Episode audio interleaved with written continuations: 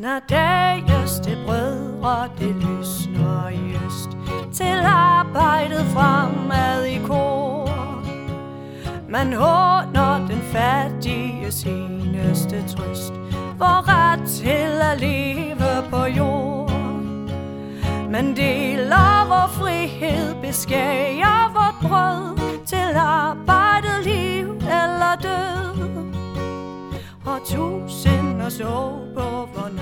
Andreas, øh, hvem vil du sige var den mest onde, nulevende politiker i Danmark? Der er sgu mange at tage af. Men nu hvis det skulle være en socialdemokrat. Så øh, næsten, næsten lyst til at sige Mathias Tesfaye. Mit valg er faktisk øh, Henrik Sass Larsen. Ja, Selvom han er godt nok er ude i politik, vil ja, jeg sige. ja, ja. Og det er fordi, at øh, Henrik Sass Larsen, han minder mig utrolig meget om dagens hovedperson. Mm-hmm. Netop Johannes Kærbøl. Goddag og velkommen. Du lytter til De Røde Fjer med mig, Kalle, og selvfølgelig Andreas over på den anden side. Og vi har noget helt særligt til jer i dag. Vi har netop det, vil vi kalde en rigtig socialdemokrat. Og en rigtig socialdemokrat, Andreas, øh, hvad er det i din, øh, i din verden? Nu skal du prøve at ikke være så skide bias, som du er hele tiden, ikke? og komme her og kaste dine venstreorienterede holdninger ud over vores podcast. Ikke? Hvad er hvad er en rigtig socialdemokrat? Jeg vil sige, at en rigtig socialdemokrat er sådan en, øh, en systemets mand på, på sin vis, men som der foregiver at kæmpe en lille mands kamp og kæmpe en lille mands sag. Det vil jeg sige. Jeg tror måske lidt, at... Øh, nu er jeg jo faktisk også opvokset i en socialdemokratisk familie, skal lige siges. Øh, så, eller det var det i hvert fald, før hele Torne-regeringen i hvert fald kom til. Øhm, en rigtig socialdemokrat i min bog er sådan en... Du ved, sådan en, der gør det ordentligt, ikke? Du ved, stemmer det ordentligt, og du ved, passer sit arbejde, og måske er lidt med i, du ved, træner fodboldholdet. Mm-hmm. Men du ved, kan også drikke en øl med gutterne, eller sådan. Det er det er måske meget løst, ikke? Men, øh, Men... Jeg sidder og tænker, som du har beskrevet, sådan, det er bare sådan foreningsdanmark. Ja, ja, ja, ja men, men det- jeg tror måske også, at der er jo rigtig mange socialdemokrater i foreningsdanmark. Sikkert. Eller det, den ånd, og, mange af foreningskulturen er jo også skabt af socialdemokrater. Mm-hmm. Øh, derfor, øh, grund til at spørge dig om det her, det er fordi, at øh, dagens episode hedder En rigtig socialdemokrat. Og det skal handle om en, øh, om en genganger, en legende, ja, vil jeg sige her på vores, øh, på vores podcast her, De Røde Fjer. En, øh, en klassiker for vores øh, skurkegalleri, netop Johannes Kærbøl. Mm-hmm. Og når jeg siger Johannes Kærbøl, Andreas, hvad tænker du så? Jamen, øh, Hvis jeg, du kan associere tilbage. jeg tænker øh, blandt andet øh, strækkebrydere og øh, 8.000 døde tyske børn. Ja, ja, Og, ja. Og så var der også de, de der grønlænder, han tvang ud på Nå ja, skib, det jo. der, de der, det der forliste skib øh, i Grønland, og ja, det var ham her, øh, den, øh, hvad var det, han var minister for offentlig arbejde, det hed et eller andet. Ja, under, under besættelsen, ja. Ja, lige præcis, i samarbejdsregeringen. Og det her, det er jo en stor reklame faktisk for øh, vores tidligere serier, netop Oprøret og Rivalerne, og faktisk også Grønland. Johannes Kærbøl, han har det med at dukke op. For os er der jo et klassisk skurgalleri her på De Røde Fjer, hvor selvfølgelig vores allesammens diktator Estrup, han sidder jo nok gerne op på toppen. Måske stærkt efterfulgt af den konspiratoriske officer Erik Witt, men lige nede under dem, så vil jeg sige faktisk, Johannes Kærbøl. Han, han, hører til. han, har det med, at- han, han har det med at dukke op. Og det her er episode, Andreas, det er simpelthen Johannes Kærbøls origin story. Mm-hmm. Vi laver simpelthen det, der hedder en prequel til, ja. til, til vores andre serier. Fordi at da vi netop, da vi lavede oprøret, der blev det klart for mig, som da jeg skrev de episoder, at okay, den her mand, han er jo, Bindegal. han er, han er, han er ond, eller sådan noget. Mm. Altså, hvad, hvad er der med den her mand, ikke? Mm. der bare fuldstændig rasende tager rundt i hele Danmark og prøver bare at smadre den her bevægelse, der bekæmper nazismen af alle ting. Mm. Og det er sådan en socialdemokratisk, altså nærmest definitionen af en socialdemokrat, der render rundt og gør det her. Og det var sådan, okay, han er, han er godt nok faretroende. Men da, så senere bagefter det, vi lavede rivalerne, bare sådan, holy fuck, så dukkede han faktisk op igen. Hvad var det nu for en rolle, han spillede rivalerne? Jamen det var faktisk i relation til, øh, du kan huske Knud Lauritsen, du ved, ham der øh, skipper der på forræderiet øh, J. Lauritsen. Jo. Han havde jo en kone, Kirsten Lauritsen, som var sådan en hårdt slående overklassedame. Ja, men Som- der lavede sådan noget velgørenhed. Ja, som lavede en mulig velgørenhed. Ja. Og hun førte jo netop en øh, politisk kampagne lige efter besættelsen om, at man øh, skulle forbedre de tyske flygtningens øh, kår, fordi oh, ja. børnene døde jo, de tyske flygtningebørn, de døde jo, ja, op til 8, næsten 8.000 af dem, mm. døde jo, og hvor Johannes Kærbøl var ham, der var Ansvarlig for Det var ham, der lossede dem ned, sparkede dem ned i massegravene. Ja. Og, og den her, hvor faktisk dagens episode, den bygger faktisk på Johannes Kærbøls egne erindringer. Okay. Øh, jeg skal lige sige i relation til både til oprøret, han nægter at snakke om besættelsen.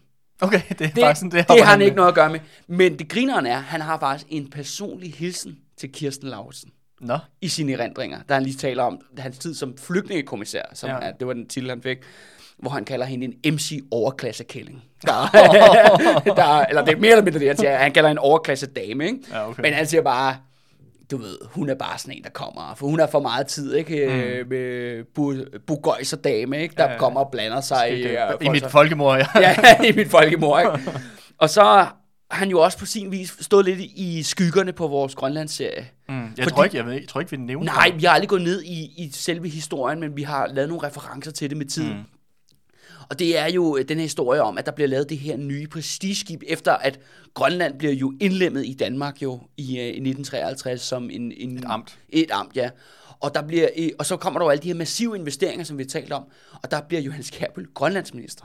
Mm-hmm. Så det er ham, der står jo for den her første bølge af, ligesom af moderniseringen af, af Grønland, og til det projekt, der får han bygget sig et nyt skib, der også kunne sejle, øh, sejle på Grønland om vinteren, der hedder Hans Hedetoft, mm-hmm. hvor at øh, Knud Lauritsen igen fører en kampagne mod Johannes Kjærbøl og siger, du kan ikke, fordi et Lauritsen rederiet sejler netop på Grønland i den her periode, og de siger, du kan ikke sejle skib derop om vinteren. Mm. Eller det, det, det, det, er farligt, det er farligt ja. til selvmord, hvor at øh, Johannes Kjærbøl siger, han siger jo bare, luk røven. Vi sætter dem afsted alligevel. Og så er der jo ham der August Lynge, du talte om. Ja, ham der er en af de her landsfader. Ja, en af de grønlandske landsfadere, som jeg siger, øh, det virker ikke særlig sikkert på det her skib, hvor Johannes Kjærbøl siger, du kommer bare op på det der skib. Og så kommer de op på det der, og så kommer de ud og sejle, og så går skibet selvfølgelig ned, og 95 personer går under. Mm. Og, det, og det er jo ikke, fordi Johannes Kjærbøl ønsker det, men det er, fordi det er hans prestigeprojekt. Mm. Og det er det, der bliver hans politiske endeligt, ikke? Mm. Så vidt jeg husker, så skibet det sejlede fra København til Grønland. Ja. Og øh, ja, det er jo ikke bare, det er jo selvfølgelig tragisk, de der mennesker, de, øh, de døde, men så vidt jeg husker, jeg ved ikke om, jeg tror ikke, det er dig, der fortalte mig, jeg tror, jeg læste det et andet sted, Ja. at så, øh, så det her skib, det skulle også, det, det havde en masse forskellige øh, dokumenter, altså historiske dokumenter øh, fra Grønland, der blandt andet var beskrevet, hvor det var grønlænder, der beskrev deres egen historie, altså sådan vidnesavn og andre Nå. ting, som, er, som ligesom havde, ligesom du ved, mange andre koloniimperier, så har Ja. man det med at, at tage alle mulige kulturer, artefakter og ting og sager, Ja, ja, og tage ja, det ned til, til ja. hovedstaden. Og, en- og ombord i det her skib var der også mange af de her historiske genstande, der skulle op til, til, til Nuuk. Øh, men det forliste også sammen med det her skib her.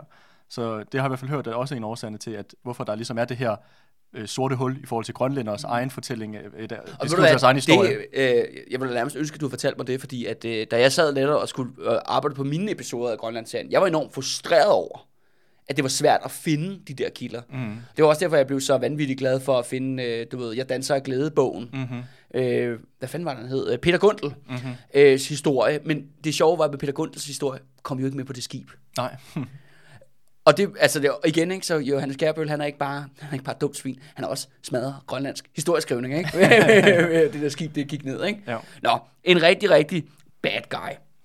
Men nu tænker jeg, at vi skal netop dykke ned i, altså, vi kommer ikke til at gå ind i, hvad han lavede med Grønland, eller hvad han lavede under med flygtningebørnene, eller hvad han lavede under besættelsen, fordi, som sagt, det har vi snakket om i andre mm. episoder. Nu skal vi faktisk prøve at, ligesom at, hvad, hvad er det, der gør, at hvorfor bliver han så ond? Altså ligesom, gå tilbage til hans barndom, hans politiske karriere, frem til øh, der, hvor han bliver til den Johannes Kjærbøl, vi kender for oprøret. Mm-hmm. Det er det, der er dagens episode. Det er øh, Hannibal Rising. Hannibal, ja, det er Hannibal Rising. Sandrægtige går vi i sorg og i nød Til arbejdet, liv eller død For det første, Johannes hed ikke Kjærbøl til at starte med. Han har faktisk døbt Hansen. Okay. Meget regulært dansk navn. Og han har faktisk en rigtig, rigtig tragisk skæbne på livet. Hvilket bliver et øh, mere og mere interessant paradoks, som øh, vores historie skrider frem. Han er øh, søn af en fattig, fattig øh, husmandspige med navn Julie Hansen, som er, var fra Lolland. Og når du siger husmandspige, hvad, hvad, hvad er en husmandspige? En, jamen, husmand er en meget fattig bonde. Okay. Altså en, en mand, der lever af sit landbrug, men på så lille stykke jord, at han knap nok kan overleve. Og, når du, og en husmandspige, det er så en, der er... er datter af Ja. den her husmand. Ikke? Ja. Altså, det vil sige, vi taler nede i den absolute bund af det sociale hierarki i slutningen På af land- på- på 1800-tallet. landet, ja. Ja. på landet i, i Danmark. Hun, øh, som mange piger nede for fattige kår gør, kommer hun som øh, ud at tjene. Hun kommer til den lokale øh, præstegård i noget, der hedder Søllested, som ligger nede på Lolland. Øh, og der falder hun i unåde. Mm-hmm. Eller hun bliver det, man kalder en falden kvinde. Præsten kommer altså til at have, ja, bold hende tyk. Hmm. Det er jo sådan noget, der sker jo. Men den her præst, han vælger ikke at tage ansvar. Okay. Han vil ikke have noget at gøre med den her gravide, unge pige, tjenestepige.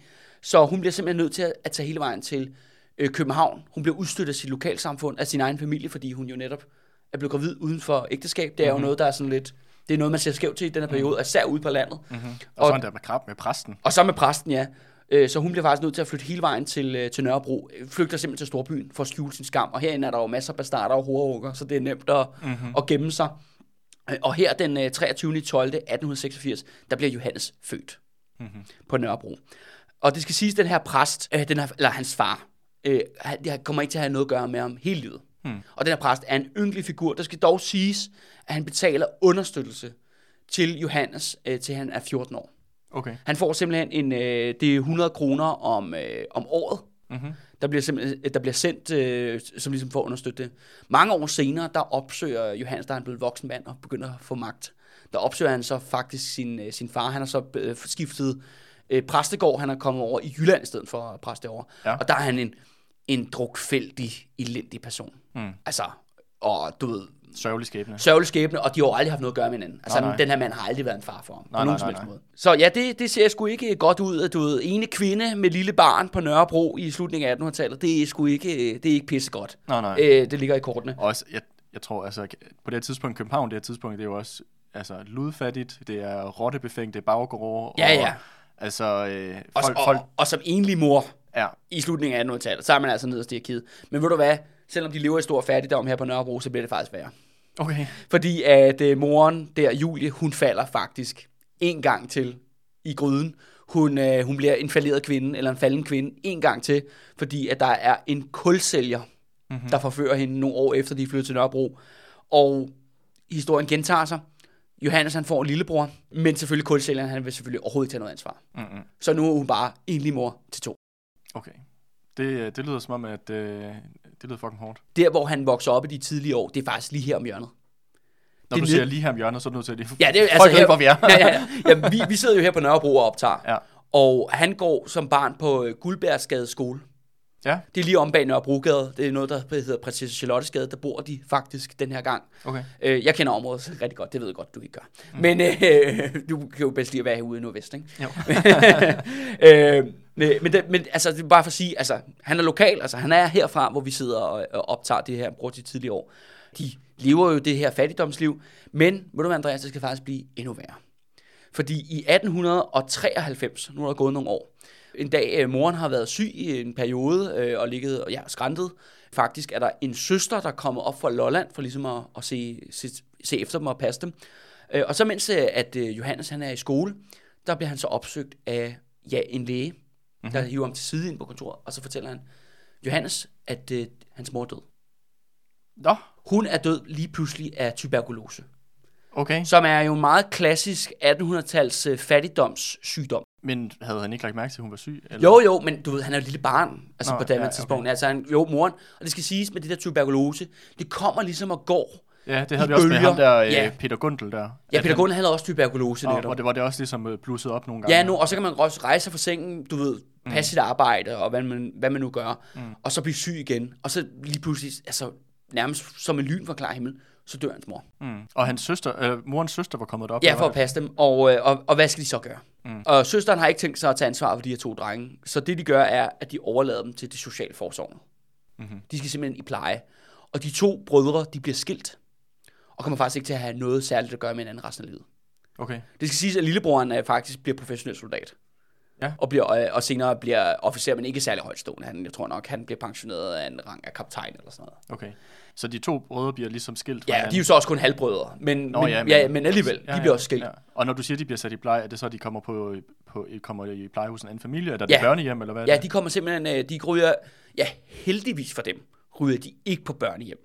Fordi at, øh, altså det børnehjem i Danmark, historisk set, har jo været øh, pendant til den katolske kirke i andre lande. Mm. Altså i forhold til øh, Misrøgt og, og- og pædofile ja. og overgreb, ja, altså og, og man- tortur. Ja, hvad var det nu, de der hvad var det? Hvad det Vi har også snakket om indigenous schools øh, i Canada og Ja, sådan noget. ja. Men I Danmark bare- hedder den institution børnehjem. Ja, ja, sådan, men ikke? også de der, hvad det nu de hedder, de der Godhope-strenge. Ja, Øh, Godhavnsdrengene hedder Ja, det. ja, præcis. Men, men øh, det hedder jo ikke Gudhavn på det tidspunkt, men der er noget, der er endnu værre, og det er jeg sikker på, at vi kommer til at snakke om en anden dag. Men det er noget, der Ja, hedder ja. Flakkebjerg på øh, ved Slagelse. Ja, og, men jeg tror også det der med, det er jo kun et plejehjem, eller et, Det- undskyld, et, et, et, Det børne, er det modsatte af plejehjem. et, et, et børnehjem Ja, ja, ja, der, men ja. det- jeg tror forholdene er i hvert fald noget, man har hørt lidt med i forhold til andre folk, der har været på opvokset på børnehjem den periode, at de har ligesom sagt, jamen det er jo det samme, jeg oplevede på mit.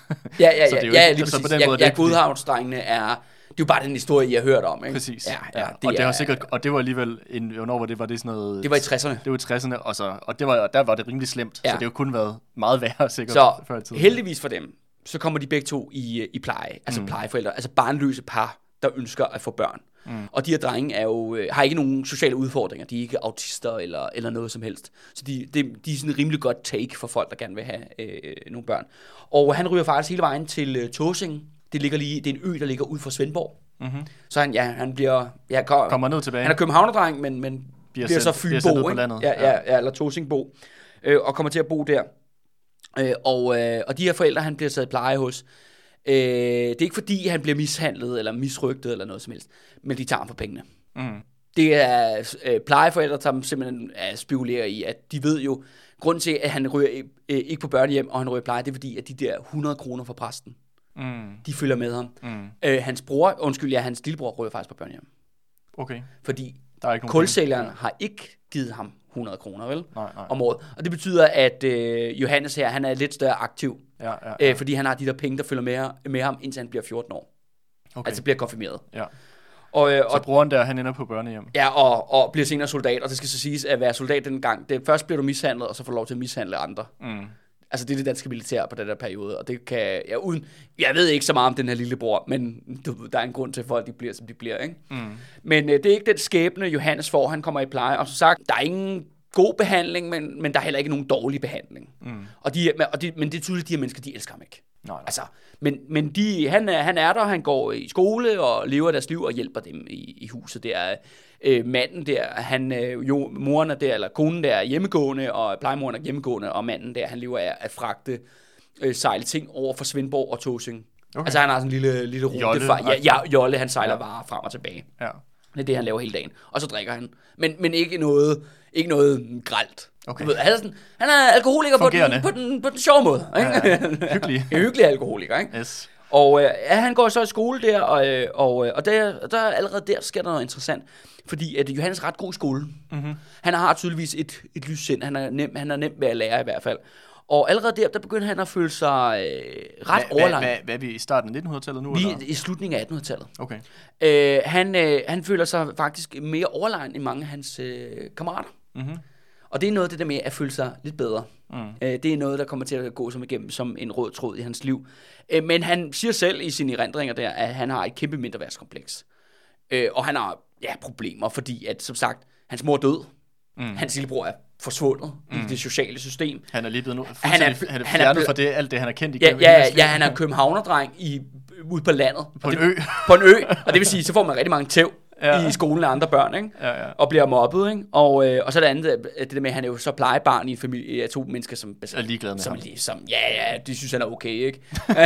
Han går, der, han går derhen. ja, han går, han går derhen. Vi tæsker ham ikke for meget. nej, nej, nej, nej. Så han har sin del at slås med, og, øh, og så bliver han så 14 og øh, bliver konfirmeret, og tingene ligesom, ja, det gør ligesom det skal. De her plejeforældre opholder ligesom de sociale normer, der er i den her tid, om selvfølgelig skal han have en konfirmationsgave og mm. sådan så videre. Men lige så snart, han er 14, så stopper pengene jo for præsten. Yes. Så siger plejeforældrene, du skal ud nu. Hmm. Det var hej hej, plejesøn, ikke? Det kan være, at vi kan få tid til en ny. Men øh, han ville jo rigtig gerne læse videre, øh, Johannes her. 14 år. Ja, altså, du ved, gå på det, du vil svare til en gymnasieskole. Men mm. det er jo ikke noget, man lige bare kan. Nej, nej. Og det er noget, der koster penge, og det har de der Og det kan de, og, det, og jeg kunne heller ikke forestille mig, at de har det på Tåsing, et gymnasium. Nej, nej. Så, men det, hans øh, plejefar skaffer ham, det er en læreplads. Ja. Som smed. Mm-hmm. Hos den lokale, øh, gamle, sådan lidt uh, drukfældige smed, som er blevet enkemand, og derfor er også blevet lidt underlig. Mm. Så han, men Og ensom sikkert. Og ensom, men han er så, øh, du ved, mester, altså har sin egen selvstændige virksomhed, og han har så et, øh, et øh, par lærlinger, og han står så i, i lære der et par år. Og det er jo ikke, fordi de bliver specielt meget bedre. Altså, Er det han, stadig på Tosing, eller hvor vi Nej, nu er han så flyttet til Svendborg. Nå, ja, han, bare, han er bare rykket lige over på den anden side af vandet. Ja, ja. Og, øh, men igen, ikke, altså, han får ingen løn, mens han er lærling. Han får kost og logi mm. hos den her lidt mærkelige enkemester. Mm-hmm. Øh, og han skriver selv, at han er ensom. Mm. Og han er jo ulykkelig, ikke? Mm. Øh, men han bliver altså uddannet øh, smed. Og så er det jo sådan her, at øh, hvor skal han så slå sig ned som smed i Svendborg, eller hvad skal han gøre? Men den her mester, han er øh, konservativ, er politisk observans, øh, og han har nogle connections i, øh, i København, hvor der ligger jo BRV. Ja, En af Tietgens gamle virksomheder. ja, altså det store skiftværft. Ja, det er stor, stor skibsværft. Og der er noget, der hedder øh, flydedokken, som er, du ved, det er ligesom en del af virksomheden. Og øh, her, der er nogle øh, arbejds, eller ligesom cheferne på flydedokken der, de leder efter skruebrækkere. Mm-hmm. De Der er en leder, strække i gang der. ja, nej, nej, eller de leder efter løntrykker. Ikke, de, de har ikke en strække, der kører, Okay. men de leder efter nogle folk, der er villige til at tage arbejde mm, til lavere, ja, ja. lavere løn. Og det kan man især bruge folk fra provinsen. Mm-hmm. Fordi københavnerne er jo sjovt nok organiseret i fagforeninger ofte, mm. hvor at folk fra provinsen er det ikke i lige så høj grad. Mm. Så derfor øh, siger Messer, oh, jeg har en aftale, du kan få et, øh, en fed stilling på, øh, på øh, BRV og sådan noget, og komme tilbage til København. Og Johannes har jo ikke rigtig noget Der holder, der holder ham Nej, nej. i Svendborg. Så han siger, han siger ja tak. Og han flytter simpelthen tilbage til København i, i 1904. Til lykken må visne ved tryllen om brød Til arbejdet, liv eller død Og han- Men han er ikke øh, blevet en socialdemokrat på et tidspunkt. Nej, og det er det interessante er, at han flytter til København, han siger selv, jeg er overhovedet ikke socialdemokrat. Mm. Øh, faktisk har de første valg, han har stemt til, der har han stemt radikal venstre. Mm-hmm.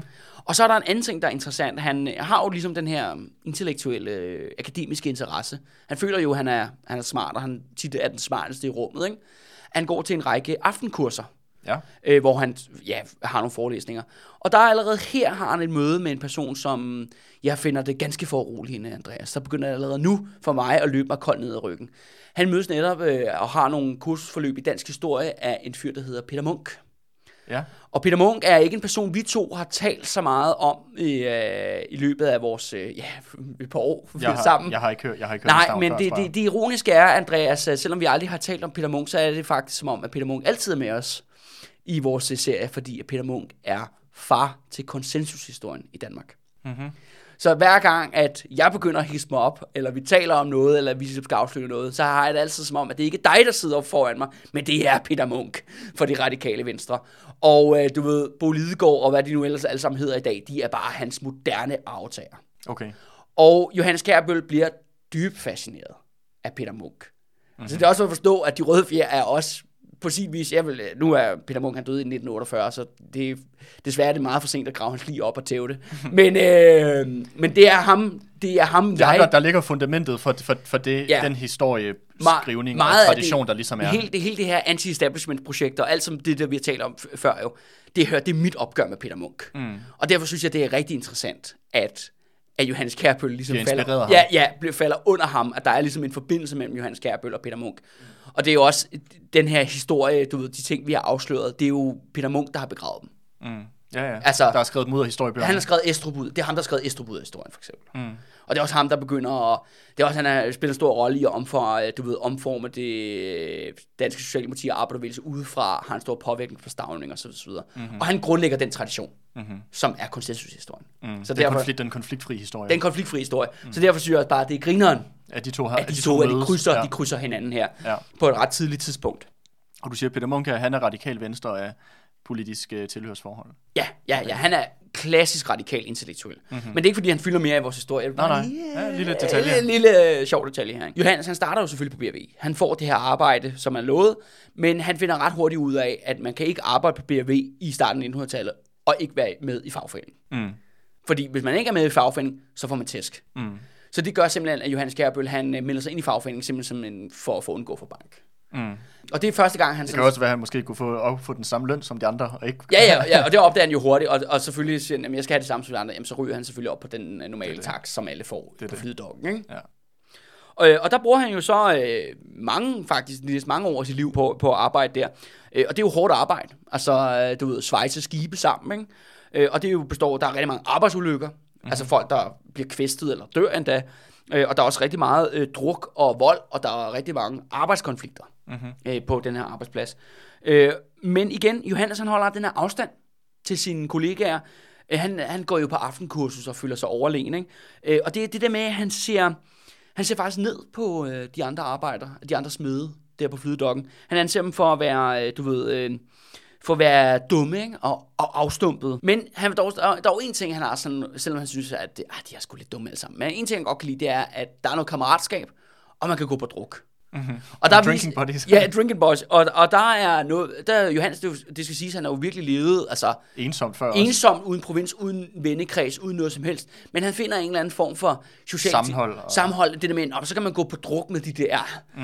du ved, øh, smedearbejdere, ikke? Og Ja, ja, du ved, give den en over kassen, ikke? Men også hvis det... og det viser sig, at han er rigtig god til at drikke. Ja. Og det er ikke en dårlig skill, når man Nej. er i arbejderbevægelsen, vel Andreas? Nej, nej. Men jeg tænker også bare, hvis du har været vant til at for eksempel at gå i skole på den der Tåsinge ø der, og du, og du måske har været lidt udstødt din- blandt dine klassekammerater, fordi du har faldet udenfor, fordi du har været den der københavner, der kommer ned Ja, til ja, Tåsinge ja, også. ja. Og været hos den der enlige, mærkelige smed, og den der familie, der var sådan lidt ligeglad med dig. Ja. Jeg forstår det godt, at man også sådan higer og søger efter et eller andet form for sammenhold. Og når man så finder det, at så at så man selvfølgelig øh, værdsætter det, Ja, ja, eller det kan betyde noget for en, at det ikke? kan betyde noget Ja, ja. meget for en. Ja. Det, vil, Men- det tror jeg, da, det, er for, det er meget forståeligt. Men det skal siges, at al den her tid, han er medlem af fagforeningen, men han er ikke aktiv. Mm-mm. Og han er det ikke bevidst. Han stemmer ikke socialdemokratisk, han stemmer radikal venstre. Mm-hmm. Fordi han føler sig intellektuelt overlegen. Eller han vil gerne ligesom holde afstand til de andre. Mm. Men udover selvfølgelig de her drukselskaber, som sker en gang imellem, du ved, efter fyre. man måske sige, han ser sig lidt sig selv som sådan en lidt øh, eksil-intelligentia, eller sådan noget. Ja, eller han har jo fået nogle virkelig dårlige kort på hånden, ikke? Mm. altså på, i starten af livet, og han mener ikke, at han kan leve op til sit intellektuelle potentiale. Mm. Udover at han så kan komme på druk en gang imellem øh, efter fyreaften, så, øh, så er han stadigvæk rigtig, rigtig ensom, og han bruger faktisk rigtig meget tid på at gå i zoologisk have. Ja, på Frederiksberg. Ja, ja, på Frederiksberg, ja. Der går han rigtig meget, bruger han rigtig meget af sin tid på at hænge ud med dyrene. Øh, og, det kommer, og, det gør, og det er der også en forklaring, og det bliver vigtigt her lige om lidt. Men øh, en anden ting, der sker i 1910, der bliver han øh, gift Ja. med en, øh, en dame, der hedder Olga, øh, men som han skriver sine erindringer, vi havde jo egentlig hinanden. okay. ja. og det er fordi, at hende her, Olga, hun er netop kommet i uføre, ligesom hans mor, Ja. med en anden dude, der er stukket af. Ja. Så hun skynder sig ligesom at finde en far Ja. til den her dreng. Og det bliver så Johannes Gerbel, fordi han er jo pisse ensom, så tænker, hvorfor ikke? Mm-hmm. Men det er altså overhovedet ikke noget øh, godt... Øh, Lykkeligt ægteskab. Øh, overhovedet ikke. Og det, og det er også det der med Johannes Gerbel. Det fede er, han gør det her tre gange i løbet af sit liv. Okay. Gifter sig med kvinder, han hader.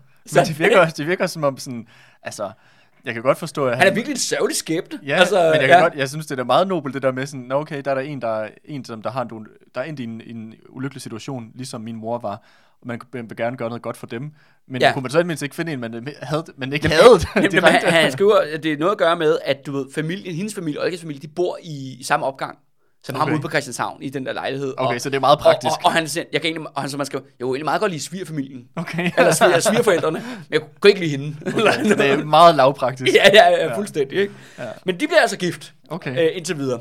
Yes. Øhm, Og, og, så, og, øh, og så får han vel så en, en stedsøn, eller hvad? nej, han får faktisk ingen børn med hende. Nej, nej, men jeg tænker, hun havde, var hun ikke Ja, jo, jo, han får, han får en stedsøn. Ja. Men det går han sgu ikke specielt meget op i. Okay, så det, det, ikke en det, det, kommer ikke til at følge noget af hans nej, liv. nej, nej, nej, overhovedet ikke. Altså, tiden går Han tager jo. måske ikke engang stedsøn med, med, med biologisk have. Nej, han går bare alene selv, ikke?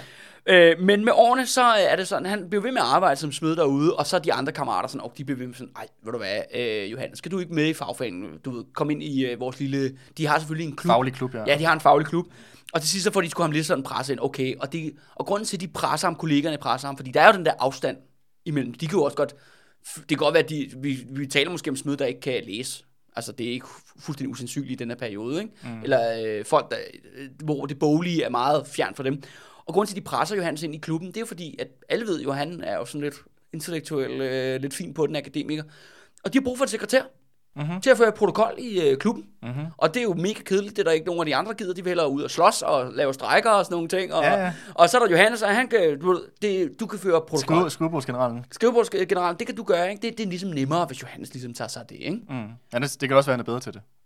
Altså, hvis, hvis han er god Ja, til... ja, ja, jamen, han, det- han gør sit job, ikke? Ja, ja, altså, ja. Og, og de gør jo det, de sætter ham til. Ja. Og, og så øh, kan man sige, at det ironiske er, at i 1912, altså hvis vi lige springer et par år frem, så, øh, så den gamle tillidsmand, han er simpelthen for gammel, han, han skal pensioneres. Og, og det vil sige, så stillingen er ledig, ledig, og så siger de andre, ved du hvad, Johannes, skal du ikke bare være tillidsmand? Mhm. Fordi det er alligevel dig, der har styr på alt det der. Du ved det kedelige Ja. med at skrive i dokumenterne, ikke? Ja, ja. Med overenskomsten og bla bla bla. Ja, Lokalaftalen. Ja, ja, lige præcis. Og, øh, og så er det så her, hvor at, øh, der sker noget interessant. Fordi at øh, Johannes der, Johannes Hansen, han bliver jo så spottet af Metals leder, af fagforeningsleder. Mm-hmm. Det hedder Jakob Hansen. Hedder det, hedder, det, hedder det Dansk Metal på det tidspunkt? Nej, det hedder jo Smidenes øh, fagforening. Det er det, der hedder Dansk Metal i dag. Mm. Og jeg tænker, det, det bruger vi bare, Ja, fordi ja. det er lidt nemmere, ikke? Ja. Han spotter ham her, øh, Joha- Johannes her. Og, og det gør han, fordi at han opdager hurtigt, at Johannes han gør altid, hvad der bliver sagt. Mm-hmm. Når der kommer en Han er ordre... sådan en yes man. Han er en yes man, og hver gang der kommer en ordre overfra, så bliver, gør han, hvad der bliver sagt. Han er faktisk en mand, som ikke bryder sig overhovedet om strækker mm-hmm. eller politik. Han er en mand, der bare godt kan lide at være byråkrat. Mm. Og gøre, hvad der bliver sagt. Og så er det også det der med, at han, øh, han har noget hård hud, ikke? Mm. Og det er det der med, som vi allerede, det er jo, med den opvækst, han har haft, det forklarer det meget godt. Johannes er jo det, vi godt på godt gammeldags dansk vil kalde en kold skid, ikke? Mm. Der, han er tykhudet. Der er fandme ikke mange, der kan komme under huden på ham her mm-hmm. i 1912. Ikke? Og han kan måske også øh, acceptere nogle ting og sluge nogle kameler, Det som andre netop. måske vil rynke på brynen af. Han er villig til at uh, tage de ubehagelige opgaver. Mm. Han gør, hvad der bliver sagt, og hvis uh, kammeraterne på gulvet skal vide, nå, vi går sgu lige ned i løn i dag, mm. så er det Johannes, der siger det. Mm. Han er villig til at blive beskidt, ikke? Han er villig til at tage skraldet ud, ikke? Mm. Uh, han er villig til at uh, tage den lort, de andre ikke vil tage i, i fagforeningen. Mm-hmm. Og, det kan, og det kan Jacob Hansen, det kan han godt bruge til noget. Og du sagde, Jakob Hansen, han var, øh, hvor, han, hvor, hvor var han hen i, den, i det øh, metal? Jamen, han er formanden. Han var formand. Han er formand for det hele, du. Øh, men det er jo klart, at den her metal-fagforening, den har jo selvfølgelig også hovedsæde i København. Blandt andet på BRV, som er jo den største smidearbejdsplads i hele byen. Mm-hmm. Du ved, så på Så den det er ikke måde, til- det er ikke tilfældigt? Så, ja, så selvom, selvom han er jo klub, altså han er så tillidsmand for flydedokken, men fordi det er København, og det er BRV, så er der meget, du ved... Afstand, afstand er ikke særlig... Nej, øh, afstand til formanden, den, den er, ret, den, er kort, ret, den er ja. ret kort nemlig. Ja. Øh, og det er jo også det der, øh, Johannes øh, han skriver også selv, det er sådan, alt sådan noget med politik og agitation, det siger ham ikke en skid. Men han er rigtig god til at sidde i mange kedelige møder. Mm-hmm. Og det er jo også en del af arbejdervægelsen, som jeg ikke har talt så meget om på hans jubilæum. Det er kedelige møder. Det er del af at være politisk bevægelse. Ikke? Det er noget, man øh, kan bruge rigtig, rigtig meget tid på i, øh, i, ja, i fagforeninger. Og slævnes kun hadet den ulmende glød Til arbejdet, liv eller død Så rammer 1. verdenskrig 1914. Det vender op på rigtig mange ting. Øh, Blandt andet er det, at øh, fagforeningerne har jo det, der hedder arbejdsløshedskasser. Mm-hmm. Hvor at, hvis man bliver arbejdsløs, jamen, så skal man ned i sin fagforening og få penge. Øh, og det er et fint system. Øh, det fører også til, at fagforeningen får mange medlemmer, som måske ikke er så interesseret i politik eller faglig kamp, men det gør det simpelthen som en understøttelses, altså forsikringssystem. Mm. Så man, man kan sige, at, at der er jo ikke... Og er der nogen form for sådan social understøttelse fra statens side af på det Nej, tidspunkt? eller det begynder at komme i løbet af 1. verdenskrig, for at prøve at forhindre en revolution, der er at udbryde i slutningen af 1918. Blandt andet det her med, at der kommer i, under 1. verdenskrig er kendetegn ved, at lige pludselig er der masser af arbejde, og så er der ingen arbejde. Mm. Skiftet kommer i 1917. Og det betyder blandt andet, at øh, staten går ind, og der er faktisk Peter Munk her, forsvarsminister i den her regering. Han bliver forsvarsminister. Ja, han bliver simpelthen forsvarsminister, Okay. som bare sådan en lille sidenote. Men han er sådan en del af den her regering. Og, øh, og en del af det her, øh, regeringen gør, er, at de begynder at tilføre en masse statslige midler til de her arbejdsløshedskasser. Mm-hmm. Arbejdsløshedskasserne er under fagforeninger, som er jo privat, mm-hmm. men det offentlige kommer ligesom ind og blander sig. Men med den her offentlige indblanding, der kommer der også en række krav af, at det er første gang, vi ser i Danmarks historien, at øh, du ved, arbejdsløshedskassen, de, eller dem, der står ligesom for at udbetale penge, de får pålagt, at de selvfølgelig skal plage de arbejdsløse. Mm. De skal sende to jobansøgninger om ugen, Yes! mindst, og de skal Yes! aktivering, og de skal... Det er her, sit, det har sin oprindelse. De det arbejdsløse... her jobcentrene opstår. Ja, eller, ja, øh, det er jo før... Ej, jeg ved det, jeg ved det Jo, godt. jo, jo, men du er ikke helt forkert på den, du. Ja. Det, er, det er faktisk en, en forløber. Og det, de skal gøre, er jo selvfølgelig, de skal presse, de skal stresse, og de skal sørge for, at øh, de arbejdsløse ikke skal... Før har det været sådan, at de skal komme ned en gang om ugen og få deres arbejdsløshedspenge. Nu skal de komme ned hver dag. Mm. Eller undskyld, fem gange om ugen. Ikke i weekenden, men fem gange om ugen, for ligesom at blive tjekket op på, ikke? Og, øh, og det er jo rigtig, rigtig nederen. Også i sådan en fagforening, fordi at øh, ham, der står bag disken og udbetaler arbejdsløshedspenge, han er også smed. Mm. Ligesom den arbejdsløse, han er jo også smed. Mm. Og der er de her fagforeningsbyråkrater, der sidder her på smidekontoret, de kigger sig rundt og sådan tænker, ej, det er der ingen, der har lyst til at have den opgave. Men så er der en Det- hånd blandt, blandt, blandt mængden, der rejser der, sig op. Der er en, der rejser sig i mængden. Eller rettere sagt, Jakob Hansen, altså formanden, han siger, Johannes, var det ikke noget for dig at få den her chance? Og han siger fandme ja, fordi mm-hmm. Johannes, han tager altid skraldet ud. Så han bliver simpelthen de arbejdsløses øh, playeren. Mm-hmm. Men da han skal have første arbejdsdag, altså nu bliver han, og han går simpelthen, han siger, han stopper som smed på flydedok, han siger farvel til BRV og bliver fuldtids fagforeningsbiokrat. Ja, sidder inde på det der kontor og skal... Men han starter også nederst i hierarkiet. Mm-hmm. Ind på det her kontor. Jakob Hansen, han sidder selvfølgelig oppe i toppen. og så sidder der så fire andre mænd også på det her kontor, og de hedder alle sammen Hansen. Okay. Og så har du Johannes Hansen, og det grinerne er, at da de sidder og diskuterer, hvem skal have den her stilling som de arbejdsløses plageånd, så er der en af dem, der siger, ej, vi kan simpelthen ikke tage en Hansen mere, kan vi ikke finde en anden? Men det er, Johannes, han er jo fleksibel, han er villig til at gå på kommis, så han siger bare, ved du hvad, jeg skifter sgu da bare navn. jeg vil opgive mit navn, for at Tækkes, de har andre fagforeningsbyråkrater. Ja. Og de andre fagforeningsbyråkrater, de har jo i hvert fald ikke tænkt sig at opgive deres Hansen. ej, ej, og de er måske er du sikker, er du sikker, Hannes, på, at du vil give dit efternavn? Ja, ja, ja, ja, ja, ja. Nej, nej, men de siger, ej, pissefedt, pissefedt, ikke? Men spørgsmålet er, hvad han så, han skal hedde. ja. Og nu er det så her, det her med zoologisk have. Det bliver rigtig vigtigt. Fordi at Johannes, på grund af den der kone, han er gift med, det går jo heller ikke pisse godt, vel? Mm. Så han bruger mere og mere tid. Han bruger stadigvæk masser af tid i zoolo- i zoologisk have. Og det er sådan her, at zoologisk have er blevet oprettet af en fyr, der hedder Nils Kærbøllinge, eller Kærbøllinge, i 1859. Og det er det efternavn, Johannes gerne vil have. Kærbøllinge. Kærbøllinge. Men problemet er, fordi at det er zoologisk haves grundlægger, der har... Så er det der, beskyttet. så er det beskyttet. Han kan ikke få lov til at hedde Kærbøllinge, så han bliver nødt til at skifte navn til Kærbøl. Ja, okay. Så det her Kærbøl er simpelthen, det kommer sig fra grundlæggeren af Zoologisk Have, hvor at. Johannes øh, Kærbøl, ja, Ja, hans, nu øh, Kærbøl, hans lille, hvad hedder det, uh, refu, refugium, hvor han kunne slippe, slippe, slippe, hvad hedder det, um, slippe af med den irriterende kone. Og, Ja, ja, lige præcis. Så lever han der. Og, øh, og ved du hvad, apropos øh, på konen, så dør konen, øh, kone nummer et, der, Olga der, hun dør faktisk i 1916 i barselssengen. Nå. Under Første Verdenskrig. Men de elskede jo ikke hinanden jo. Så Johannes, han er, han er hurtigt øh, gift. Eller han blev dør, gift. dør barnet også. Ja, det blev, ja, og det er jo så Johannes øh, baby, der dør. Men Ja. ja, men, ja det er jo sådan lidt, det sker jo mm. i den her periode. Så, øh, så han springer hurtigt videre til nummer to. Mm-hmm. Bliver gift. Øh, Er det også samme i opgangen også? eller? Øh, ja, eller ja, det er sådan en, øh, mener, nej, hun er faktisk, det er noget med, hun er kusine til en af de andre fagforeningsbyråkrater på kontoret. Okay. Men øh, problemet er, at de også hader hinanden. Mm. Til gengæld får de så dog øh, to drenge, øh, og dem siger Johannes Kærbøl, i hvert fald den ene kan han meget godt lide. Nå, okay. af sine to sønner. Hvad med, hvad med, altså, hvad med ham der stedsønnen fra den anden, fra Olga? At, Nej, men det er pisselig meget, det gider han ikke. det er ude af billedet. Nej, nej, nej, men det er ikke vigtigt, vel? Johannes og videre, ikke? Som, så, det er under første verdenskrig, og han får så det her job med, at han skal være de arbejdsløses øh, plage, og han opfylder sin opgave. Og Johannes Kærbøl, han skal hurtigt blive den mest hadet mand i Smidens fagforening. Fordi han er jo netop den, der presser. Det er ham, der er den nederen, ikke? Og der er, han fortæller under Første Verdenskrig, som er jo en periode med stor fattigdom og politisk radikalisering. Syndikalisterne hmm. vinder frem i den her periode. Øh, der bliver han jo virkelig det dumme svin, ikke? Men Johannes Kærbøl, han tager tæsken, og han er faktisk ved at få bank mange gange, og han fortæller også om gange, hvor han bliver nødt til at flygte ud af bagdøren Okay. på kontoret, eller han må slå sig igennem med sin stok og sådan noget, ikke? Men det er jo så ikke de andre fagforeningsfolk. Nej, det er de arbejdsløses det, det, det, Ja, lige præcis. Ja, ja. altså det, men det er jo hans gamle kammerater, Ja, ja. på flyddokken, ikke? Ja, Ja, som ja. han nu er straffer på, på staten og fagforeningens vegne, ikke? Mhm. Mm-hmm. Øh, og holder, holder opsyn med, og, og, og du ved, sørger for, at de sender deres to ansøgninger. ja, ja. Måske ikke om... Og sætter øh, dem på CV-skrivningskursus. Ja, ja, ja, ja, og alt det der. Alle de der ting, som, som vi godt kan forstå, at folk kan blive voldelige over, ikke? ja, ja. Det kan vi, det kan vi to om nogen sympatisere med, ikke også, Andreas?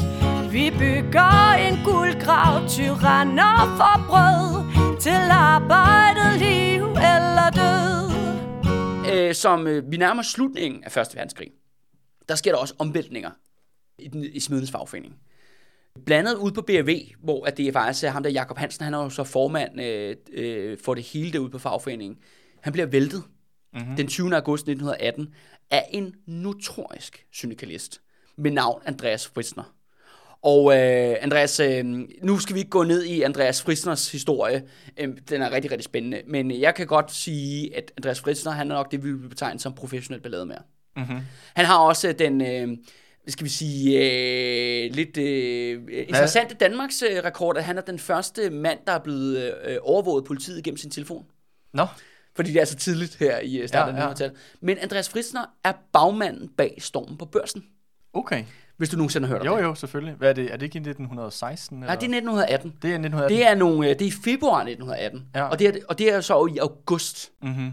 Øh, og det Andreas Fritzner gør, historie kort fortalt, er, at han øh, sammen med en, øh, nogle kammerater vælter ind på Københavns Børs og tæver alle børsherrerne med fastlavnskøller. Mm-hmm. Altså, han er en notorisk ka- syndikalist, og han er sådan, du ved, han er oppe på top 3 over, hvem politiet vil have fat i i Danmark Ja, ja, i den ja. her periode. Men han bliver... Han, Men han er smed, Han er smed, ja. og også aktiv i fagforeningen, og han får simpelthen øh, mobiliseret sine øh, kollegaer ude på arbejdspladsen og får væltet Jakob Hansen og smidt ham ud af Smidens fagforening, mm-hmm. ud på BRV. Det vil sige, at BRV bliver en syndikalistisk Højborg. højborg midt i slutningen af under øh, øh, Første Verdenskrig. Men hvad, hvad får det så betydning for Johannes Kjærbøl? Jamen, det kommer faktisk ikke til at have de store... Øh, eller det kommer til at have konsekvenser, men ikke på den måde, du måske tror, Andreas. Fordi at øh, det, der sker, er, at det er den 20. august, at Andreas Frisner bliver valgt som øh, formand. Men i november 1918, der er jo det, vi har, øh, det der er kendt som slaget på Grøntorvet finder sted. Altså, mm-hmm. det, der er simpelthen den her revolutionsforsøg i Københavns gader, hvor Andreas Fristner, han spiller en hovedrolle i det. Men den her revolution, den øh, slår Og, fejl. og, og Grøntorvet, det er jo det, der hedder Israels plads i dag. det er det, der er Israels plads i dag. Ja, hvor der Men- var den her store, øh, altså tusindvis af folk, der Ja. samlede til Ja, og det er demonstration. jo, øh, vi, vi og taler, et slag mellem vi politiet og taler lidt om det på det der episode, der hedder Kongekuppet. Mm. Det der med, at der er et, et opstående myteri i den danske her, og syndikalisterne prøver at tale til det. Andreas Frisner er en integreret del af det her, men vi kan ikke gå ind i den her historie nej. nej. i dag. Men historie kort fortalt, at Andreas Frisner, han flygter simpelthen fra sin plads som formand ud på BRV, fordi han tager til Berlin for at øh, mobilisere den tyske revolution, for at komme og redde den danske revolution. Mm-hmm. Men han tager ned, hans mission mis, efter mange... Og den tyske revolution er nederlag. Ja, ja, jamen, du ved, øh, Andreas Frister har mange spændende eventyr ja. øh, i Tyskland, men det slår fejl, kort fortalt. Han kommer tilbage, han bliver anholdt, han ryger to år i isolationsfængsel. Okay. Men det betyder jo så selvfølgelig, at der ikke er nogen formand mm-hmm. ude på BRV. Der er en ledig plads. Der er en ledig plads, og øh, Jakob Hansen, han er jo virkelig sådan... Kærbøl. Nej, nej, Han er ikke sit navn endnu. nej, nej, det, her, det er formanden. Smidens formand. Nå, ja. ja, Han, han, ja, er, han ja. er blevet væltet fra sin post Ja. ja. på BRV, men han er stadigvæk formand for hele lortet. Ikke? Nå ja. For den, den nationale fagforening. Og han siger, nu skal de der smede ude på BRV, de skal straffes. Så hvem bliver selvfølgelig udpeget til at være formand derude for det hele? Det gør Johannes Kærbøl. Det gør Johannes Kjærbøl selvfølgelig. Så de får, øh, de får indpiskeren. De får så, så simpelthen der, en, du skal, der skal straffe dem, fordi de kunne, de, de, de vågede at vælte formanden. Ja, lige præcis. Mm. Det er der, at, øh, at Johannes Kjærbøl, han ligesom står sin, øh, han får sin lærepenge. Men det er sjovt, at det er det, der ligesom bærer ham op på toppen, det er, at han bliver den der sådan Han er skraldemanden. reaktionspisk. ja, ja, ja, reaktionspisk. Ja. Og, det, og, men Andreas, giver det ikke bare god mening? Jo, I forhold til de roller, vi kender ham i det, gør tidligere. det, det gør det virkelig, ja. Det, du ved, men det, det, der sker, er, at vi ligesom er på min... Vi, vi starter nede i bunden. Han er ligesom sådan Og så en kasso-agtig. Ja, ja, og så eskalerer vi ligesom opad. ja, ja. Han fejler opad, eller han, han pisker sig opad, eller du ved, han, nede, han, han er nederen opad, ikke? Ja, ja. Øh, og der er i denne periode, der bliver han jo, øh, vi skal ikke gå ind i alle de her arbejdskonflikter, der, der er, men, men der er allerede tegnet sig et mønster. Johannes Kjærbøl, han bryder sig ikke om politik, han bryder sig ikke om organisationer, han bryder sig ikke om strækker. Han kan godt lide byråkrati, protokoller, der er styr på tingene, og han bliver rigtig, Fred og ro. fred og ro, og han bliver rigtig, rigtig god til at knuse hver øh, optag til opløs, altså du til strækker, til rebelsk stemning. Han slår hårdt ned på det hele tiden. Og, men han er også på en meget, meget udsat post. BRV er jo altså en rød højborg mm. gennem hele den periode. Han får virkelig, altså han, han, han, han skal ud hele tiden og slå ned på ting. Mm-hmm. I 1926, der dør Jakob Hansen, altså formanden for smedene.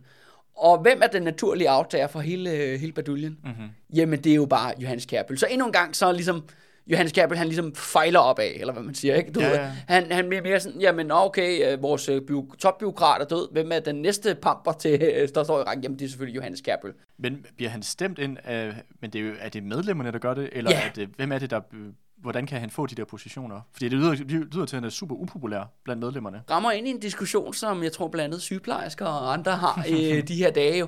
Det er jo det der med, at der er jo en fagforening. Mm. Men fagforeningen er domineret af et højreorienteret byråkrati, mm. som er man, vanvittigt tæt på stavningsfraktion i arbejderbevægelsen. I, vi så det under før- Første Verdenskrig. De radikale arbejdere, de kommer ind, de mobiliserer, de organiserer, de kommer ind og tager magten, bliver så væltet af pinden. Men når man så i sådan en situation, hvor står udefra, og måske altså i starten af 20'erne går det meget godt økonomisk for eksempel, mm. Og der er sådan, jamen der slår man ring, alle de højorienterede byråkrater, de slår ring, og det er dem, der kommer til generalforsamlingerne. Mm. Det er dem, der kommer og stemmer Johannes Kjærbøl ind som Det er dem, formand det er hver dem gang. der øh, opstiller deres valglister. Og, Ja, lige præcis. Ja. Og det er dem, der styrer apparatet, så de, det er også dem, der bestemmer mere og mere. Jo mere magten krystalliseres mm. omkring den her Det er højreorienterede... dem, der kan sætte rammerne. Det er dem, der sætter rammerne, og det vil sige, at det gør vanvittigt svært for oppositionsfolk at få positioner. Mm. Og hvis de får positioner, jamen så er der bare voksenmobning. Mm. På fuld smadre. Og hvis du tror, at voksen, voksenmobning er ikke sjovt i 2021, så kan jeg lige love dig for, det er ikke særlig, det er meget, meget værre i 1926. Ja, ikke? ja, ja.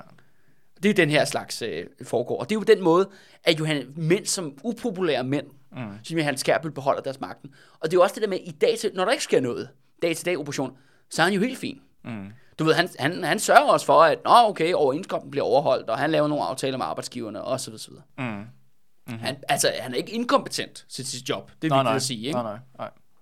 Øh, Tværtimod, Men det er men det er også tværtimod bare- han bliver hyldet som, at han er meget, alle siger jo, at han er en god administrator. Mm. Men det er også bare for at høre, det er ikke fordi, det er, sådan, det er ikke fordi, han bare sådan bliver hvad kan man sige, installeret på pladsen. Det er, der er faktisk, han, han har en eller anden form for sådan, han, det er kørt efter protokollerne, så at sige. Ja, ja. det gør det, ja. ja. Øh, men som sagt, i 1926, der bliver han så øh, ja, formand for Metal. Mm-hmm. Øh, og det øh, falder jo så sammen med, at nogle år efter jo, der har vi jo så den store depression, den store økonomiske krise fra 1929 til 1932, øh, som rammer jo verden øh, og Danmark rigtig, rigtig hårdt. Og der får øh, Johannes, han får altså fucking travlt, fordi at øh, nu kommer DKP'erne jo. Syndikalisterne, de er blevet til DKP, altså Danmarks Kommunistiske Parti i, i, i tiden. De er genmobiliseret, og de laver blandt andet også stormløb på ham i hele perioden. Mm-hmm. Det, det interessante er, at han taber faktisk rigtig, rigtig mange afstemninger. Ja. Øh, og faktisk bliver også tvunget til at gennemføre strejker og sådan noget. Ja. Af simpelthen flertal på kongresser i blandt smidende i den her periode. Men Johannes Kærbøl er en overlever. Han holder fast i formandsposten. På trods af, at han bliver stemt ned og bliver nødt til at gennemføre strækker og sådan noget. Apropos også sygeplejerskerne og Grete Christensen. Ja, ja, ja, ja, ja. Der er mange. Ja. Og, og finde gerne selv på flere referencer, uanset ja, ja. hvilken fagforening man er med i, eller hvem man kender til. Ikke? Men han bliver simpelthen holder sig på posten, og det er nok noget at gøre med, at der aldrig nogensinde kommer et, øh, et godt alternativ til ham. Mm. DKP'erne kan lave en masse ballade, du ved, nede på gulvet, og især på BRV. Ja. Men øh, der kommer ikke den her røde smed. Nej der skal vælte ham, der ligesom får ham vippet af pinden. Og, og det er jo det der med, at... Eller sådan en organiseret opposition. Jamen det er jo det der med, at tit, og det er jo det, Johannes Kærbøl jo også faktisk gør under helt oprøret. Ikke? Du ved, der er den her utilfredshed, der er den her vrede og aggression, men han formår jo ligesom at tage kontrollen over den og udlede den igennem kanaler. Mm-hmm. Og det er også det, han gør i den her periode der, i, start, i slutningen af 20'erne og starten af, af 1930'erne. En anden ting, bare en lille sidestikker, som jeg synes er rigtig interessant. I 1933, der får Hitler jo magten i Tyskland, det bliver til Nazi-Tyskland, og øh, Johannes Gabel, fordi han er jo fagforeningsboss, så har han selvfølgelig også en masse forbindelse til øh, den, øh, de tyske smede. Mm-hmm. Altså fagforeningen dernede. Så det bliver forbudt. Jo ja. selvfølgelig under nazismen. Og der blev andet på hans eget initiativ, og det er faktisk den eneste, første og eneste gang, han faktisk udviser initiativ. Han, han, han udviser jo ikke engang initiativ i sine ægteskaber. Jo, okay. Han udviser også initiativ, da han skiftede navn. Ja. men, øh, men det eneste tidspunkt, at han udviser initiativ, det er, at han begynder faktisk at smule penge ja. for at hjælpe de smidendes undergrundsnetværk mm-hmm. i mhm. Tyskland. Okay. Og det synes jeg er bare ret interessant i forhold til, hvad der kommer senere. Mm. Fordi Johannes Kærbøl er jo ikke dum, jo. Jeg anser ham jo ikke for at være dum. Og derfor er det også mystisk det der med, at han jo om, altså han har mødt mennesker, der har røget koncentrationslejre mm. i Næsttyskland i 30'erne. Mm. Altså tyskere, ikke? Og han forstår godt, hvad det nazistiske regime er. Og derfor bliver det endnu mere det der med... Absurd, at han kæmper for hvor at, han bliver at den, opretholde det i Danmark. At han bliver ham, der kæmper hårdest for nazi den danske nazi-alliance. Mm. Det, det, det er der et kæmpe paradoks i. Ja. Jeg har en forklaring ja, okay. på, hvorfor det sker. Men det er bare lige holde sig i mente ja. til, til slutningen af episoden. Ja. Men deler vor frihed, beskærer vort brød til arbejdet, liv eller død. Nu befinder vi os i midten af 30'erne. Mm-hmm. Og, øh, og det er sådan her, at øh, landsfaderen, Torvald Stavning, manden for det hele, Heart of Darkness i den danske øh, arbejdervægelse, han er begyndt at opdage Johannes Kærbøls talenter. Mm-hmm. Han er ligesom kommet på hans øh, radar. Og øh, der er jo valg i 1935, og det er jo det her valg, som nok er det mest kendte folketingsvalg i hele Danmarks historie. Fordi det er det valg, der bliver kendt som Stavnings- eller Kaosvalget. Mm-hmm. Du kender sikkert uh, plakaten, ligesom alle, alle andre, andre, ja. alle andre gør. I er alle sammen blevet undervist i det. Øh, og det interessante er, at det her valg jo er blevet... Ja, Peter Munk har jo skrevet historiebøgerne, og han har også skrevet i historiebøgerne, at det her valg handlede om, at der valgte danskerne demokrati eller diktatur. Mm-hmm. Altså Hitler mod Stavning. Det er sådan, valget bliver portrætteret. Men der er et stort, stort men. Selvfølgelig kan man sige, det er jo det, der har været på valgplakaten, det er det, du er blevet lært i historiebøgerne, og det er til del også rigtigt. Men de mangler lige at fortælle, at der var et meget, meget vigtigt valgslogan, som gjorde, at Socialdemokratiet fik deres største valgsejr nogensinde. De fik jo over 46 procent af stemmerne ved det her valg, og de har aldrig gjort det bedre siden. Det var, at det andet slogan, som Stavning kom ud med, altså enten var det Stavning eller Kast, men det andet var planøkonomi i Danmark nu. Mm-hmm. Og det interessante er, at det her slogan med planøkonomi, det er, at det, ordet, begrebet velfærdsstat, det findes simpelthen ikke. Der er ikke nogen, der siger velfærdsstat på det her tidspunkt. De, hvis de skal sige noget, der minder om, så siger de socialstat, eller også så siger de planøkonomi. Mm. Og, og det, vel også en reference til Sovjet. Det er en reference til Sovjetunionen, som jo er gået igennem depressionen, som vi lige har været igennem jo, eller de lige har været igennem på det her tidspunkt, hvor der ikke har været krise. Ja, det er Der jo, har de- været ja, vækst. det, det, er jo de, det er jo de, de kapitalistiske lande, der har været depression. Ja, har ikke været i der- Sovjetunionen er det bulret af med, hvad er det, sådan noget, øh, 20% vækstrater eller sådan noget. Det er sådan helt vildt, ikke? De, de bygger byer øh, på stribe og sådan nogle ting. Selvfølgelig er der også mange stalistiske forbrydelser i det, men udefra set, når man lever, når Johannes Kærbøl tæver de arbejdsløse i køen, mm. hvor drømmer de så hen? De drømmer så hen til et Sovjet, hvor der ikke findes økonomiske, Arbejdsløshed. Ja, og arbejdsløshed og økonomiske kriser, og hvor man kan se, at tingene går ligesom fremad. Og, øh, og det her planøkonomi i Danmarks slogan, det er også det, der er med til at bære Socialdemokratiet til deres største valgsejr nogensinde. Det er bare mm. ret interessant. Mm-hmm. Men det er ikke Stavning, der har fundet på det her slogan, eller den her kampagne, som ligesom den anden Nej, halvdel af men jeg vil sige, at selv, selv når Stavning bruger det her ord med planøkonomi, så tror jeg ikke, det er fordi, at, og det kan vi også se på historien, det er ikke fordi, han havde til sigte eller hensigt at rent faktisk indføre et system, som det man kendte. Nej, Så, så det var men det, man, han, kan, men man kan sige, Andreas, faktisk, at velfærdsstaten er jo planøkonomiske tiltag. Det er jo- er jo en måde at ligesom prøve at gribe ind i kapitalismen og ligesom bløde den af, ikke? Jo, men jeg tror stadig, det, jo, på den måde, det, men jeg vil sige, at det er stadig ikke, det er stadig, der er noget kvalitativt forskel mellem at have en markedsøkonomi og så have en planøkonomi. Men hvor at, at jeg tror, når Stavning snakker der med planøkonomi, så mit indtryk i hvert fald er mere det der med, hvad skal man sige, ja, at det var mere sådan statsindgreb, sådan statskapitalisme, eller hvad man skal sige, hvor, hvor en større del af det økonomiske, Som, som jeg ser det, når de siger det her i 30'erne, så er det jo fordi, at de kigger på Sovjetunionen, hvor der netop er jo, ja, der er ingen arbejdsløshed for det første, men der er jo også gratis sundhedsvæsen, mm. og der er billige boliger, der bliver bare arbejderbolig. Det er også et kæmpe spørgsmål i Danmark, altså folk, der ikke kan finde et sted at bo. Og i dag. ligesom i dag.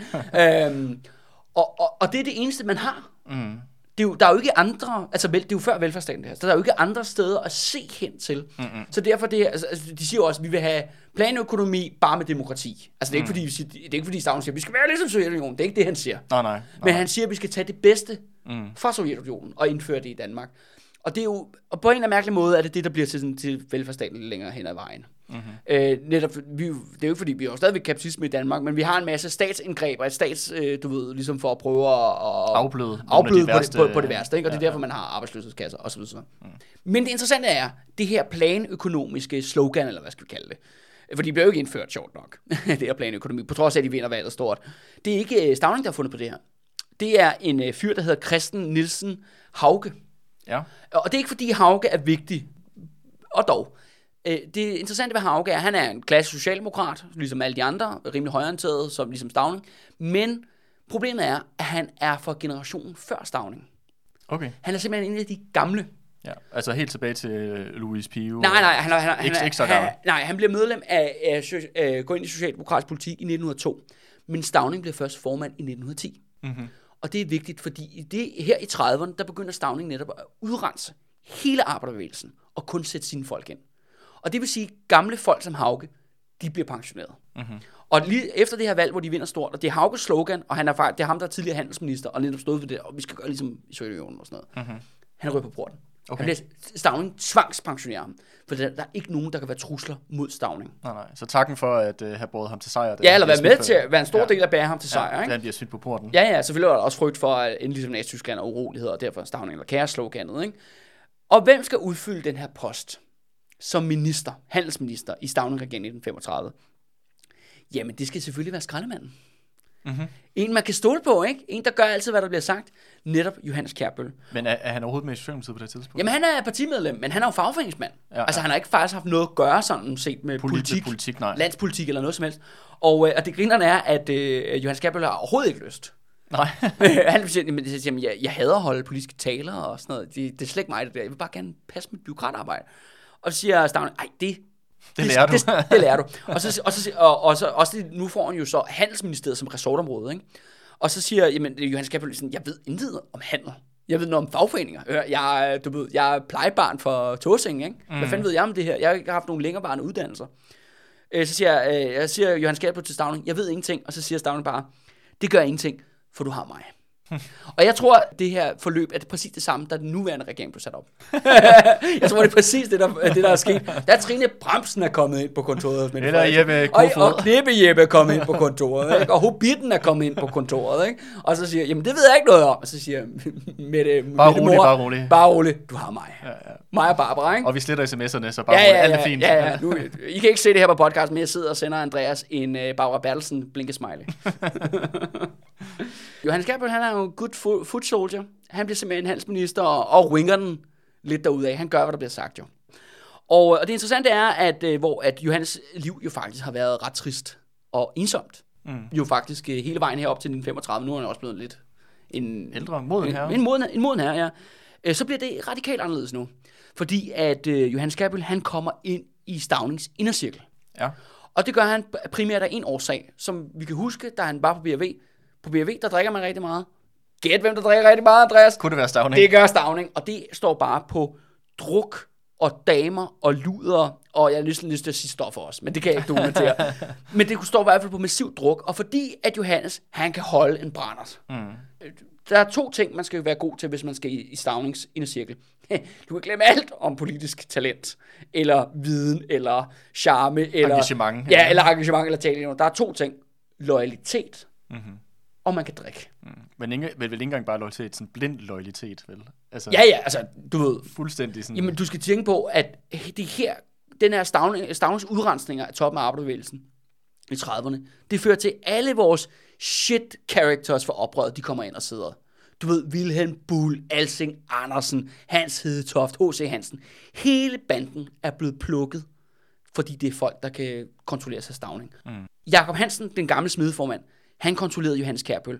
Men han dør jo så i 1926, og nu skifter Johannes bare mester, ikke? Mm. Nu er det stavning. Ja, nu er det Stavning i stedet for. Mm. Han, han, han modtager sin ordre fra. Bare en lille sjov anekdote er også, at, øh, at øh, nu taler jo Johannes Gabriel roser selvfølgelig Stavning til skyerne i sine erindringer, øh, hvilket jo ikke er særlig overraskende, men der er på et tidspunkt en meget mærkelig historie, som jeg er mere eller mindre, altså med moderne briller, der lyder det bare som om, at øh, han beskriver, at Stavning begår et overgreb Okay. på to øh, embedsmænds hustruer i deres egen lejlighed, Nå, hvor Johannes Kærbøl og deres mænd er med en gang i slutningen af 30'erne. okay. Altså, det er sådan en mærkelig... Altså, det, det, nu farer jeg lige ud tangent her. Ja, ja. Jeg synes bare, det er ret sjovt, eller sådan, at det lige pludselig dukker op Ja. som en anekdote for Johannes Kjær. Du skal også tænke på, selvfølgelig, at mænd dengang har lidt en anden syn på tingene. Mm. Men det, han beskriver, er, at det, det er to kvinder, der nærmest flygter rundt efter Stavning, der bare rager på dem i, sådan, i en sådan embedsmandslejlighed her i København, mm-hmm. hvor det er en fest, de der to embedsmænd holder. Ja. Hvor statsminister og Johannes Kjærbøl sammen med de andre dr- top drukkammerater i Socialdemokratiet er med. Og det er bare sådan, og det er Stavning, der farer rundt og gør det der, og der er ikke rigtig nogen, der gør noget og sådan noget. Nej, okay. Det lyder, øh, det lyder super fucked. Ja, lad mig sige sådan her, det er en teaser til what to come. I 1938, der går den anden kone øh, fra ham på grund af alle de her ja, prostituerede og damebesøg med, Mhm. mm-hmm. med Stavning. Øh, men som sagt, de hedder jo hinanden. Så ja, ja who cares. Der er ikke så meget lo- lost love. Og ved du hvad, Andreas, det bringer os faktisk frem til besættelsen. Så vi kender den, så vi diskuterede på oprøret. Ja, hvis man vil høre, hvad der så sker i Johannes Kjærbøls liv, det, så må man jo ja, høre oprøret og rivalerne, ikke? Mm. øh, for ligesom at tage det videre. Så jeg tænkte faktisk, at øh, nu her til aller, aller sidst her, øh, Andreas, så tænker vi, at vi jo lige sådan skal, skal snakke om, ja, hvad synes du om den her rejse, han har, han har været igennem? Ja. Øh, jeg synes, det er, det er jo meget sådan imponerende, han, han, eller jeg ved ikke, man kan sige, det er overraskende, at han er kommet Ja. fra de Meget, Meget altså... dårlige kort, han har ja. haft på hånden, Ja. og så alligevel er han endt, hvor han er. Øhm, men jeg synes måske også, at det tegner et billede af, at han har været sådan en... Han har ikke bare været den, den rette mand på det rette sted, men han har også været... Han har, spillet, han har haft de rigtige... Han har, han har, sp- han har blevet sådan både brugt, også lidt videre det til, som sådan en, Han er meget faktisk et redskab, og jeg er overrasket. ja, sådan en nyttig, nyttig idiot, der Fordi- er villig til at gøre ting, som mange andre ikke må, må, vil være, og derfor så kan han, så, kan han, så bliver han... Der er, der er en interessant øvelse her i øh, sådan rent historisk teknisk omkring øh, kildemateriale, og hvordan man, eller hvordan man ser personer, der agerer i historien. Fordi at i, under oprøret, da vi lavede den, fordi det er jo den, rent kronologisk, er det, den, mm. det er første gang, vi to stifter bekendtskab med Johannes Kjærbøl, ikke? der virker han jo enormt målrettet. Du ved, han ved lige præcis, hvad der skal ske. Han kæmper og, og, og tæver sig løs på de der folk, der prøver at lave oprør. Men, og Stavning er jo død jo, skal man huske. Han dør jo i 1942, og oprøret foregår i 1943. Men det er Johannes Kjærbøl, nu efter jeg er blevet klogere på hans origin story, ikke? altså det der med, at Johannes Kjærbøl følger bare Stavnings plan. Mm. I 1943, der følger han bare den plan, Stavning har lagt. Mm-hmm. På trods af, at han er død. Mm. Og senere hen, da han bliver så, så bliver han jo så flygtningekommissær, øh, og så bliver han så grønlandsminister. Og det er jo bare øh, hans hedetofter hos Hansen, der bor og bruger ham. Mm. Du ved, så han skifter bare med, altså han skifter bare herre. Skifter mentor. Ja, han skifter mentor, ja. Ja. Men jeg synes også måske, at, at hvis, hvis man skal prøve at binde hans, den rolle, han spiller i forhold til ja, samfundet, og så hans fortid sammen, så vil jeg nærmest sige, at den der sådan, tragiske fortid, han har, gør, at han har nogle personlige egenskaber eller kvalifikationer, der gør, at ligesom, han kan udfylde en rolle, som er nødvendig for byråkratiets side, om det så er i fagbevægelsen eller det er Socialdemokratiet. at Ja, eller jeg må måske mere sige bare stavningsperson. ja, eller stavns person. Ja, med- Altså han tjener, han er jo redskab, ikke? Han tjener Ja, ja, ja. en meget bestemt rolle, ikke? Altså, Ja, at på den måde, så, så kan de se, at der er et behov for en, der kan udfylde de her roller, eller den her position, eller gøre de her ting. Og ham her, der har haft den her tragiske Ja. øh, og hårde opvækst her, han, han er både villig og god til det, ja. virker det til. Altså, Der er jo også det der paradoks der med, at han kommer jo fra bunden. Mm, Han er en person, der har oplevet undertrykkelse. Du ved, han har haft et øh, faktisk meget nederen liv, ikke? Mm. Men der er et paradoks i det med, at en person, der undertrykker, eller der er blevet undertrykt, bliver undertrykkeren. Og det er jo faktisk også hele Socialdemokratiets historie i nødskal. mm, Det er de undertryktes parti, organisation, eller du ved, bevægelse, som så vender sig om, mm. og bliver dem, der undertrykker andre. mm. Ja, men jeg vil også gætte på, at Johannes Kjærbøl er hans, når han er først er blevet en, øh, hvad hedder det, formand for Metal og øh, hvad hedder det, minister og det hele, at hans liv også ændrer sig markant Ja, ja, altså, til da, hans, han hans kommer, position. da han kommer op under stavningsvingen, mm. vingen, så lever han altså jetset-livet. Præcis. Der kommer han helt op, altså, og han får jo adgang og penge og damer og alt muligt, han aldrig nogensinde kunne drømme Præcis. om Så før. tæ- Men, men han gør det som en moden herre. Ja, ja. Du ved, i du ved, slutningen af 40'erne, starten af 50'erne. Ikke? Ja, ja. Men det er også det der med, hvordan at, at du ser også det der med, at folk bliver også, altså, hvis ikke de var det i forvejen, så bliver de også komperet på en eller anden måde, ved at, ved at sige også, og mister følingen for de der mennesker, fordi det er Ja. rigtigt, at jeg tror, at når, når Johannes Kjærbiel, han, han bliver øh, menig, hvad hedder det, tillidsrepræsentant ude ved, øh, hvad hedder det, ved skiftværftet der, der har han jo haft et helt andet, sådan, der er jo ting, han aldrig ville være formentlig gøre øh, i forhold til overgreb eller undertrykkelse, som når han først kommer helt op der på magtens tænder, han så lige pludselig er villig til at... Men det interessante er, at det eneste politiske valg, han tager sig i sit liv, det er jo faktisk dem radikale venstre.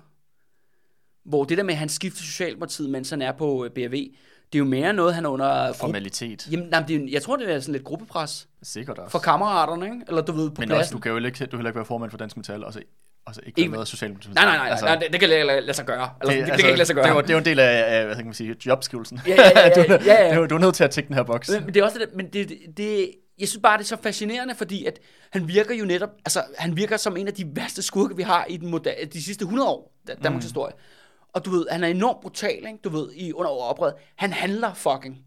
Han ser de der døde tyske børn blive kørt ud i massegravene ude på Vesterkirkegård. He doesn't flinch, ikke? Mm. Du ved, han siger og tæller de der grønlænder op på det der skib, ikke? Det er mig, der, det er far her, der bestemmer, ikke? Og så er det bare, du ved, han er sådan et redskab. Du, du kan godt fornemme, at det er sådan en twist for mig. Ja, Eller sådan, du ved, ikke? Altså, Ja, ja. Og, det, og det gør lige pludselig, at, at jeg ser, at hans, hans rolle i vores tidligere serier sådan meget anderledes, ikke? Mm. Han er bare en pistol, ikke?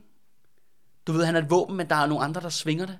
Mm. Og selv når de er væk, så fortsætter han bare Ja, det ja, så fortsætter han bare. men, men hvad med, øhm, du sagde, du snakkede om det med, at han havde givet øh, hjulpet med at smule og, og give nogle penge til nogle øh, Ja, ja, til folk i nede i 30'erne. Tyskland Ja, og sådan ja, ja, ja. Hvordan, øh, du sagde, du havde et eller andet med, hvordan, hvordan det, det passede ind med hele hans... Nej, men det, det er jo bare, det er jo bare et par, igen et paradoks i forhold til hans agering under oprøret. Mm, ja. Altså, hvor han jo at bliver Nazi-alliancens største for, øh, forsvarer. Mm. Og det der med, at vi snakker om, det der med, at det er jo vanvittigt for Socialdemokratiets synspunkt, det er jo, at de hjælper nazisterne, som i altid i sidste ende vil udrydde dem. Mm, ja, ja. Men Johannes Kjærbøl kan jo ikke påstå, at han er blind for det her. nej, nej. Altså, jeg ved godt, at moderne socialdemokrater bliver, er utrolig blinde for det her. Men Johannes Kjærbøl kan ikke. Nej, nej. Fordi han har mødt folk, der sidder i koncentrationslejre. Ja, ja. Altså, og, Og- og og for, altså, han har mødt højreorienterede socialdemokrater fra Smidenes fagforening i Tyskland. Altså folk, der nærmest en til en er ham selv. Mm. Han er jo ikke dum jo. Altså, Nej, nej, så jeg nej, formoder, at det, det må han jo kunne have fucking have indset, ikke? Jo, men det er nok også det der med, at han, han lytter, han følger bare øh, stavnings Ja, ja, ja, ja. Fordi at det virker... Først så følger han Jakob Hansen, ja. så følger han Stavning, så følger han Hedetoft, og så følger han H.C. Hansen sidst. Og så ryger han så under bussen med det der Grønlands øh, ja. Talk der. Og der er faktisk en lille krølle på halen er faktisk, at øh, øh, det var jo meningen, der skulle rejses en rigsretssag mod ham, for grund af skibet, hans Hedetoft, der gik ned i 1957.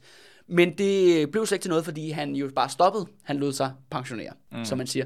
Men på vejen ud, så fik han en lille gave, som et plaster på såret. Det var, at øh, der blev opkaldt en valros efter ham i zoologisk have. Okay. så han fik faktisk... Hans yndlingssted. Så han kom faktisk tilbage til, Ja, øh, til til, zoologisk have have. i, Ej. i sidste ende. Ej, hvor fint. Men hvad, øhm, hvad, hvad hedder det nu? Øh, hvad siger han selv omkring alle de her jeg, jeg har ikke lyst til at kalde dem bedrifter, forbrydelser, ja, ja. som han er, i, hans, i hans bog. Altså det der med de der øh, børn, der dør i de der lejre, altså de tyske børn, eller de der, de der grønlandske øh, politikere, der drukner jo i det der øh, forliste skib. Hvad, hvad, hvordan ser, er det bare sådan, ah, det er beklagelige øh, uheld, der var uden for hans kontrol, eller hvordan, hvordan snakker, snakker han om det, som om han, han øh, angrer det? Eller jamen, for det første går han jo, han snakker ikke særlig meget om det. Nej. Altså hans erindringer er faktisk primært hans barndom og ungdom og de tidlige år mm-hmm. altså i fagforeningen og sådan noget. Alt det andet, det går han meget lidt henover. Okay. Øh, der er tydeligvis, han har en eller anden form for distance mm. til det. Øh, jeg vil måske sige en professionel distance. Ja. Det sjove er, at man kan sige, at oh, uh, Johannes Gabriel er bare sådan en skrivebordsmorder. Men, men det er han jo faktisk ikke, fordi han er faktisk stadigvæk kommer ud. Mm. Altså i oprøret, altså det er jo ham, der fucking kvæler, revolu- han kvæler revolutionen i Odense, ikke? Mm. Der altså, blev smidt en Molotov-cocktail Der blev smidt en Molotov-cocktail på et bil, ikke? Ja, ja. I det, der var flygtningekommissær for de der de tyske flygtninge, jo. han var jo hele tiden på besøg i de der lejre. Mm. Han har set, hvad der skete, ikke? Han mm. har også været i Grønland på mm. sin, øh, som minister, ikke? Mm.